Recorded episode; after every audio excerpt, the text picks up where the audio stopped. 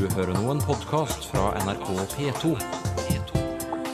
nrk.no podkast. Jeg vet ikke, jeg, men jeg tror det gjør seg at det går bra. i det, sjø.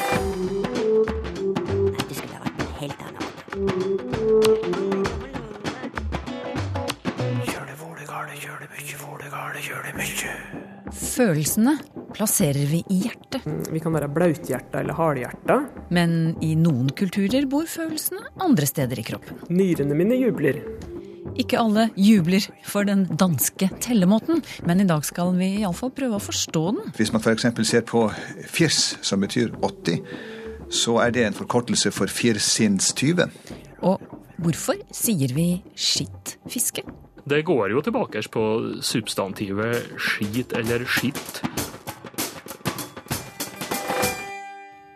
Hvor i kroppen bor kjærligheten?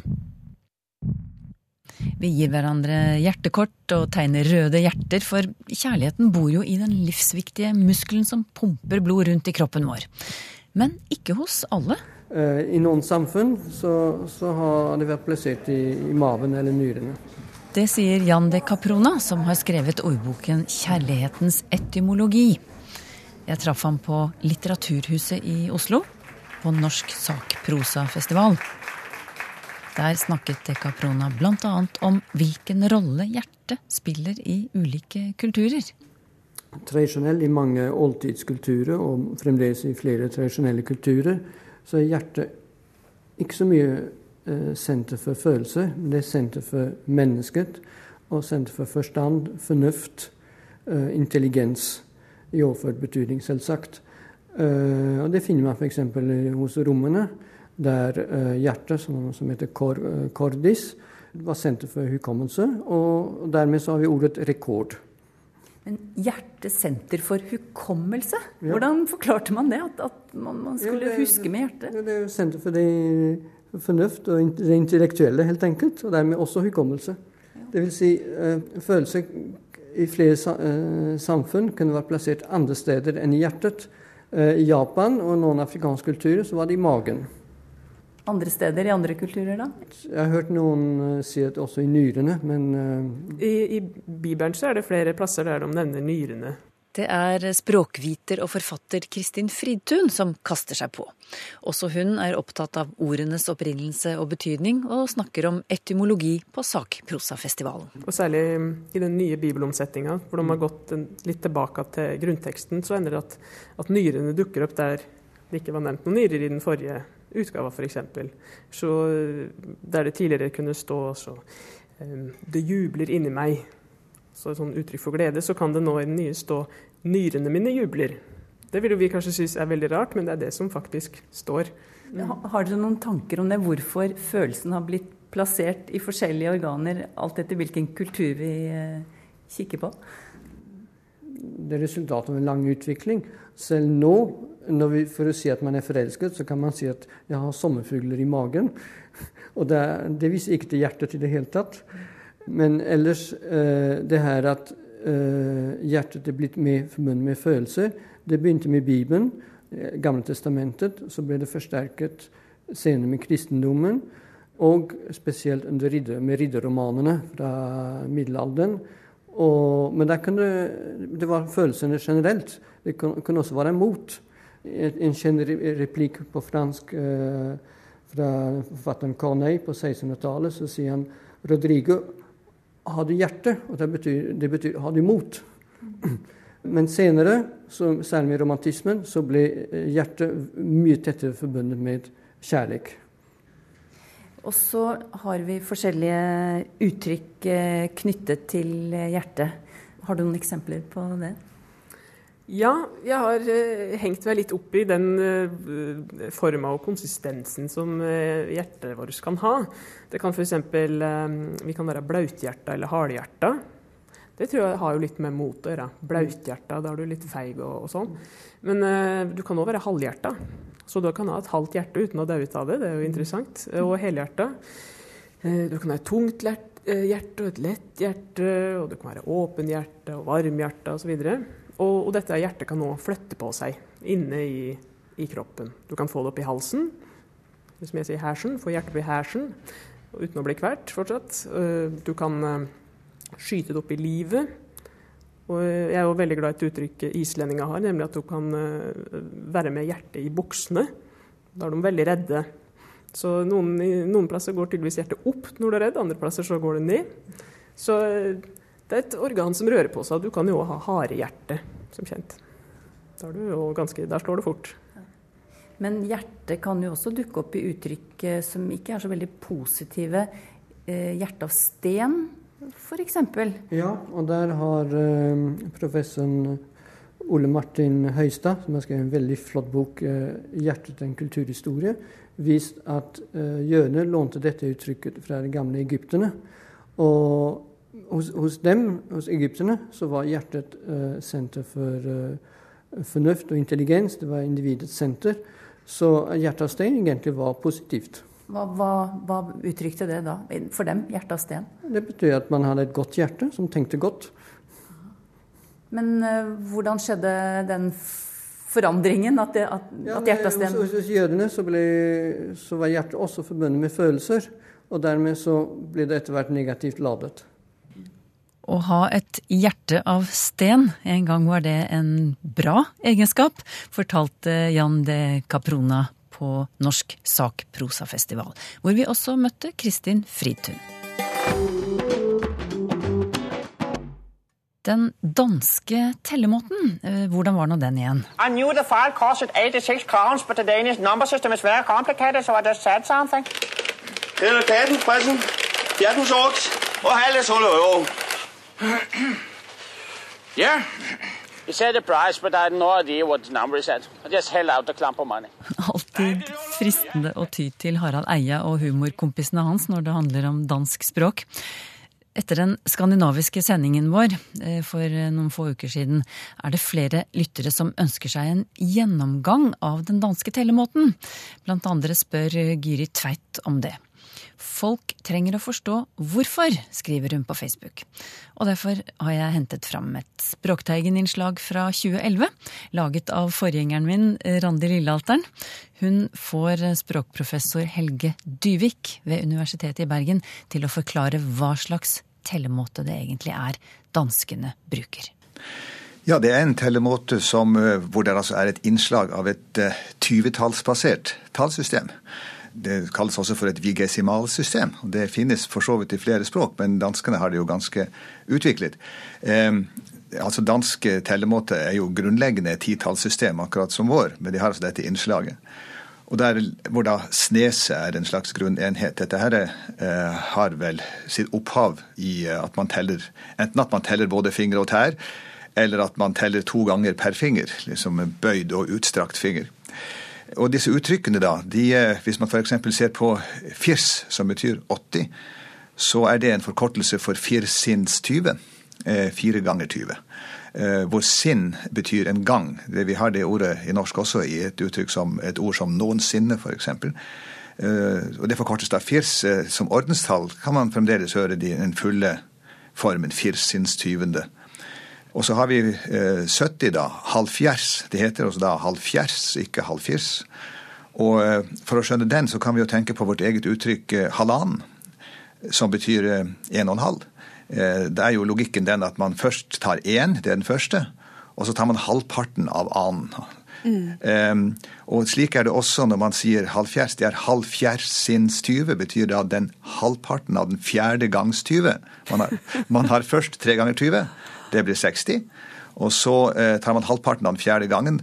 Da kommer man opp til 70. Det er ikke rart at de syns the Danish uh, number system is very complicated i den sketsjen her, altså. Nei da, det, det er klart. Selv om det er systematisk nok, så er det jo eh, klart at det er komplekst. Særlig fordi forkortelsene jo ikke er særlig gjennomskuelige hvis man ikke, ikke kjenner det. Mm. Og tress blir jo da 60. Eh, tresinns-20. Mens eh, 50 er halv tretts, Der dukker det opp en D. Halvtretts, fordi der har jo igjen ordenstallet. Halv tredjegangs eh, 20. Halvtretts sinns 20 og så videre. Og så har vi halvfems, som er 90, da, mens man jo da ikke sier fems om 100, eh, men, men altså hundrede. Mm. Men hvor kommer denne uh, måten å telle på i Danmark ifra, da? Ja, altså, det er litt omdiskutert om dette er en relikt fra veldig gammel tid, eller om det er noe som på en måte er blitt eh, utviklet litt på nytt i Danmark. Men det, eh, du finner det allerede i middelalderen. Det begynner vel særlig i eh, østdansk og sprer seg tidlig til vestdansk. Altså det begynner i vestdansk og sprer seg til østdansk, mener jeg å si. Og det er i østdansk allerede fra 1300-tallet av ser man gamle, gamle skrifter. Hvis man går tilbake til middelalderen, så finner man jo innslag av, av sånt i, eh, i, norsk også. Ikke bare et tyvetallssystem, men først og fremst et tolvtallssystem. Det var et grunnleggende titallssystem da også, så det er ikke snakk om noe rent tolvtallssystem. Men f.eks. hundrad på gammelnorsk eh, betød ikke ti ganger ti, men det betød 120. Eh, altså tolv ganger ti. Igjen ikke et rent tolvtallssystem, fordi da skulle det jo bety 144 tolv ganger tolv. Men, eh, eh, men, altså tolv ganger ti. Og eh, det er noe som har vart ved helt opp til moderne tid, hvor man har snakket om et storhunder, om, om, som da betød 120 år. I norrøn tid så skilte man mellom 110 rødt og 112 rødt, altså hvor 110 rødt var 100 og 112 rødt var 120. Men dette utviklede 20-tallssystemet er jo da særpreget for dansk. Mm. Men bare det her med tolvtallssystemet, som også var i norsk. Du sa jo at 20-tallssystemet eh, med snes, som også betyr 20, ikke sant. Eh, det kunne komme av at man talte både fingre og tær. men hvor kom det her tolvtallssystemet inn? Ja, eh, Du kan si at tolv er på mange måter gunstig som en grunnenhet, fordi tolv kan deles både på to og på tre og på fire. Eh, slik at det på mange måter er et mer praktisk, en mer praktisk enhet å operere med. Så det kan vel være en, en grunn til at den har, har, vært brukt. Hvor ellers kan vi finne sånne her 20-tallssystemer eh, som eh, de har i Danmark? Ja, fransk, franske Frankrike vel å merke, har jo eh, et innslag av det samme, hvor da 80 heter 80, som betyr 4 ganger 20. Eh, det var noe som kom til fransk fra nordfransk antagelig på 1000-tallet. Og noen har jo antatt at det kan tenkes at det er danskene som står bak der også, fordi i Nord-Frankrike på den tiden der hadde vi jo nordmannene, eh, som hovedsakelig kom dit fra Danmark og Norge da. Men det er ikke sikkert. Mm. Men i hvert fall eh, kommer det der. Ellers finner vi det i andre europeiske språk også. Man har det i i flere keltiske språk. Bretonsk, walisisk, irsk, skotsk-gelisk. Det finnes også i eh, albansk og også andre ikke-indoeuropeiske språk i Europa, som baskisk og georgisk, har innslag av, av 20-tallssystem. Eh, og utenfor Europa så finner man innslag av det på eh, alle kontinentene, egentlig. I inuittspråk i Afrika, Asia og Amerika. Kanskje det mest verdt å merke seg kan være at det gamle maya-språket i i prekolumbiansk tid i, eh, i Mellom-Amerika, de hadde jo en høyt utviklet kultur med sitt eget skriftspråk, og de hadde et ganske gjennomført 20-tallssystem. Det må jo bety at det her må telle på både fingrene og tærne. Det er en sånn, det er litt sånn grunnleggende menneskelig måte å gjøre det på, da kanskje, i og med at det dukker opp, eller har oppstått over hele verden? Ja, det er jo ti fingre og ti tær er jo ganske universelt. ja. Men Norge var jo i union med Danmark i 400 år. og ja. Hvorfor begynte ikke vi å telle sånn som det her, da? Vel, det, dette vet jeg, er jo ikke sikkert, men nå er det jo så at dette med tellemåte er eh, jo et talespråksfenomen, først og fremst. I skrift så ble tallene gjerne skrevet enten med romerske eller arabiske tall, eh, slik at det var vel ikke like stor påvirkning der. Så det kan vel være grunnen til at det er, er blitt bevart. Vi vet jo at eh, det er en tellemåte som eh, først har rotfestet seg i talespråket, er vanskelig å utrydde. Det har vi jo erfaring for i Norge fra nyere tid, mm. med den gamle og nye tellemåten.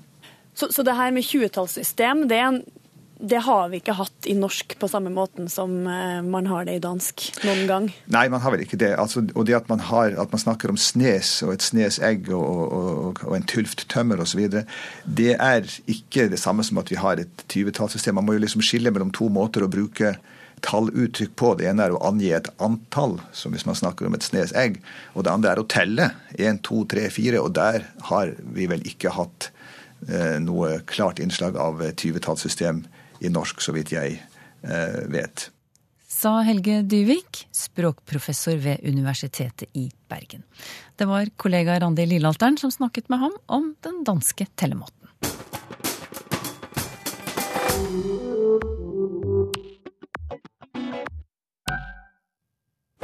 Au! Et lite rapp over fingrene, men det var kanskje fortjent. For vi ga feil svar da Turid Hakvåg skrev til oss om ord som hakkede, grillede, ristede og tørkede. Turi har nemlig lyst til å bytte ut d-en med t, slik at det blir hakkete, grillete, ristete osv. Vi sa at det ikke er riktig, det må enten være hakka eller hakkede. Au! Ja, det var feil. For Turid Hakvåg, du har helt rett. Du kan bytte ut det med T hvis du vil. På Språkrådets nettsider leser jeg at verb som hakke, grille, riste, tørke tilhører ord der vi kan komme i tvil om bøyningen i bestemt form og i flertall når de står til substantiv som bøyes. For eksempel grillede pølser og hakkede mandler. Grille, hakke og de andre jeg nevnte tilhører en gruppe svake verb, der du kan velge mellom a-endelse eller et-endelse i fortid. Jeg grilla pølsene, eller jeg grillet pølsene. Jeg hakka mandler, eller jeg hakket mandler. Og i hakkede mandler kaller vi formen hakkede for perfektum partisipp. Og det er altså, når det gjelder denne perfektum partisippen, at du har tre valgmuligheter. Dette sier regelen. I bestemt form entall og i flertall er endingene valgfri a, ede eller ete. Så derfor er dere klare, folkens? Ja! Altså, når du har hakket mandlene, da er de Hakka, hakkede eller hakkete. Og når du har grillet pølsene, da er de Grilla, grillede eller grillete. Og etter at du har tørket blomstene, så er de Tørka, tørkede eller tørkete. Er det klart nå, da? Ja! Hørte ikke? Ja! Jakt og fiske, det skal vi innom i dagens første lytterspørsmål, Tor Erik Gjenstad. Aslak Thorsen forteller at da han var ung, ble uttrykket skitt fiske brukt av byfolk som fisket på fritiden i ferskvann på fjellet eller i skogen. Nå, sier han, har uttrykket spredt seg til saltvannsområder, i hvert fall på kysten sør for hovedstaden. Og i dag så jeg også en annonse med skittjakt, skriver Aslak Thorsen. Og så spør han hvordan har ordet skitt kommet inn og bredt seg på denne måten? Ja, det er vel kanskje et, uh, ny, en ny bruk av et ord, men det er gammel forestilling, det her. Uh, Det går jo tilbake på substantivet skit eller skitt. Og det kan jo brukes som adjektiv eller adverb. Altså det, det var skitt, altså det var ille. Det gikk skitt, det er bare skitt med meg. Eh, Men også mer, som et vanlig altså framføre et substantiv. oppfører seg som et typisk adjektiv. En, en skitt kar. Eh, Hamsun skriver jo 'en ualminnelig skitt fyr'. da betyr det jo nærmest dårlig. Eh, Og skitt fiske og skitt jakt, eh, det er jo for så vidt eh, samme måten. Det betyr jo eh, dårlig fiske eller dårlig jakt. Skitt fiske er trolig eldre enn en skitt jakt. Og akkurat hvor gammelt det er, det er vanskelig å si. Men forestillingene her, eller trua, det er jo at du skal ikke ønske noe godt. Det er en slags overtro. Det er akkurat som de eh, sier 'break a leg' til en skuespiller, en artist, når han skal på scenen. Så du, du mener egentlig at det bør gå bra, men du uttrykker det ikke direkte. Det er en slags, en slags tabuforestilling. Tor Kristiansen skriver Jeg kommer fra Namdalen og har dialektvarianten no som tidsadverbet nå. Det som er morsomt, er at vi også kan si nå, men jeg opplever det som et helt annet ord, skriver han. Det vil f.eks. være for å uttrykke tvil om at noe kan realiseres, og å-lyden drar man gjerne lenge på. Eh, Og så har han eksempelet her, da. Vi når ferga vel? Nå, det tror jeg blir vanskelig. kan dere si noe om dette, spør han, og gjelder det andre regioner også? Ja, det gjør det nok, eh, uten at jeg har kartlagt det noe særlig. Men jeg kan jo si at jeg har akkurat samme skille sjøl. Altså nå som tidsadverb, og, og nå er akkurat slike eksempel som er nevnt her. Sannsynligvis er det samme ordet, eh, men det er ei funksjonsdeling. Altså at du, du knytter forskjellig uttale til forskjellig funksjon.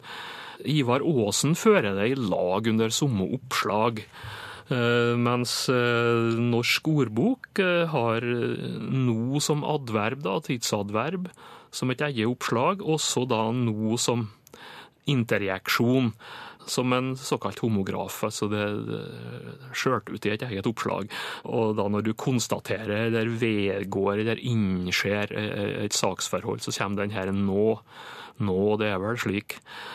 Og det, det, er mange måter å bruke den der på. Du kan ha det ved Altså når du oppdager et eller annet. Nå var det slik det har seg. Eller når du tiltaler folk. Nå, hvordan går det? Eller når du skal dempe eller ja, kanskje nyansere eller få noen til å stoppe med å gjøre et eller annet. Unger, nå, nå, slutt med det der. Men også når du blir overraska eller forundra over et eller annet, så kan du plutselig sette i et 'nå'. Så det er mange måter å bruke det på, men jeg tror nok det er mange plasser som sagt, at du har forskjellig uttale på tidsadverbet og også den andre funksjonen, mer som et ja, kall utrop, da. Margrethe Gjernes forteller at på Sørlandet så kan man si om andre at de ikke er for lein når de ikke mangler noe. Hun fortsetter, Vi kan f.eks.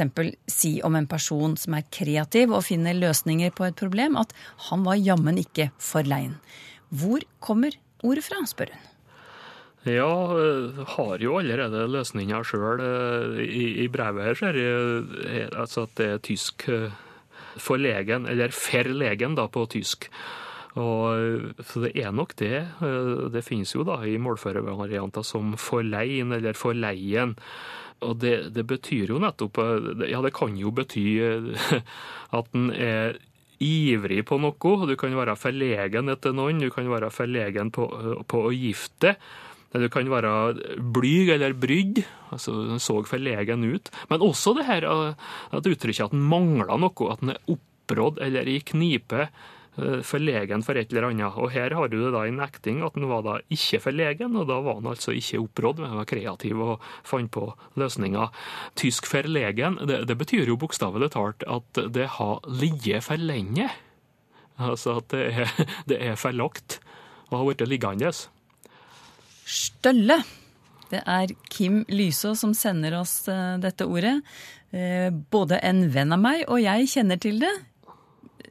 Og det er, så vidt jeg vet, et nedlatende begrep, skriver han. Begge har hedmarkinger i slekten, og vi lurer på om begrepet stammer derfra. Ja, det kan det godt være. For stølle eller stølle, også stolle, om en litt tilbakestående mannsperson. Det er flere plasser i, i Hedmark fylke, men det går videre òg.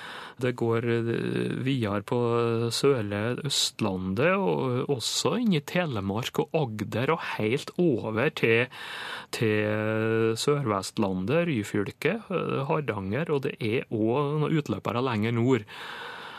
Og du har det i svensk, og normalisert form så er det jo skrevet Stolle, da. Og ja, det ser ut for at det kan gå tilbake på ei rot som vi gjerne snakker om, som har hatt et innhold å være stiv. Slik at det, det, går på de her stive bevegelsene. Men det har jo kommet til å bety nærmest en tulling eller en enstøing, eller en som oppfører seg dumt. da. Det har òg flere andre betydninger. Vinje i Telemark så er det forklart som en brei og tettbygd og gjerne stødig og rolig kar. Men det kan òg være en, en, gammel mann som gjerne går og stabber. Oddgeir Johansen hørte en av sendingene våre i sommer, der du, Tor Erik Gjenstad, forklarte at uttrykket 'er i berå med' betyr at man er i tvil, eller at man er tvilrådig. Her i Finnmark, skriver Oddgeir Johansen, har jeg hørt eh, uttrykket 'æ er' eller 'æ kom' i bedaring om. Som vel betyr noe sånn som at man er i tvil om noe eller stusser på noe. Og så lurer han på om disse to uttrykkene kan ha sammenheng med hverandre? Eh, ja, de har vel ikke annen sammenheng enn at de har denne forstavelsen, prefikset b, felles, og så tangerer det i betydning. Men bedaring er nok et annet ord, ja. Og det finnes jo ja, både som substantiv bedaring, altså være kom i bedaring, i tvil mange plasser i Nord-Norge, men det går også litt videre sørover. Trondheimsforfatteren eh, Christian Christiansen bruker det, f.eks. i 'Klokken på kalvskinnet'. Og eh, forfatteren Hans Hyllbakk kan jo sitte her. Han skrev diktet om ekkoet, som kalles for Svarraberget. Eh, Hyllbakk var jo ungkar. Og så er det ei strofe som lyder slik. Da jeg var 30 år, jeg kom i stor bedaring, for ennå var det vår med perikum og paring. Og da, altså, Han var jo passert 30 og var ungkar. Og så går det jo slik da, at han spør der ekkoet eller svaraberget skal jeg gifte meg, eller skal jeg lette varra? Og så svarer ekkoet lette varra. Men da var han altså i bedaring. Uh, jeg kan være i bedaring om jeg skal gå eller sykle på jobben. Altså, du er i tvil. Og også som verb fra Oppdal registrert de bedara det. Så de var i tvil om det. Og så har du en annen betydning også av det verbet, som er ganske utbredt. At det bedara seg. Altså at det stilna eller spakna. Og da er du nærere opphavet, antagelig, for det er jo lågtysk eller nederlandsk bedaren, som betyr nettopp å stilne. Og forbindelsen her til å komme i tvil, det er kanskje nettopp det at du blir gjerne litt spak og stille når du er i tvil. Har du spørsmål til Språkteigen? Skriv til Teigen, krøllalfa nrk.no, eller til Språkteigen, NRK P2, 7005, Trondheim. Så finner du oss også på Twitter og på Facebook. Har dialektbruken tatt overhånd i NRK? Så er spørsmålet da om det er så forbaska viktig hva til språk kommunene bruker. Men du lurer ikke meg, du kommer ikke hit eh, på morgenen bare for å gi meg kaffe? Etter åtte måneder hadde jeg gått opp en halv kilo. Ikke god Er du en av de som gjerne kan drømme deg vekk til de gode, gamle dagene? De dagene da det var mer normert talespråk i NRK. Noen lyttere savner det. Møt en av dem i Språkteigen om en uke.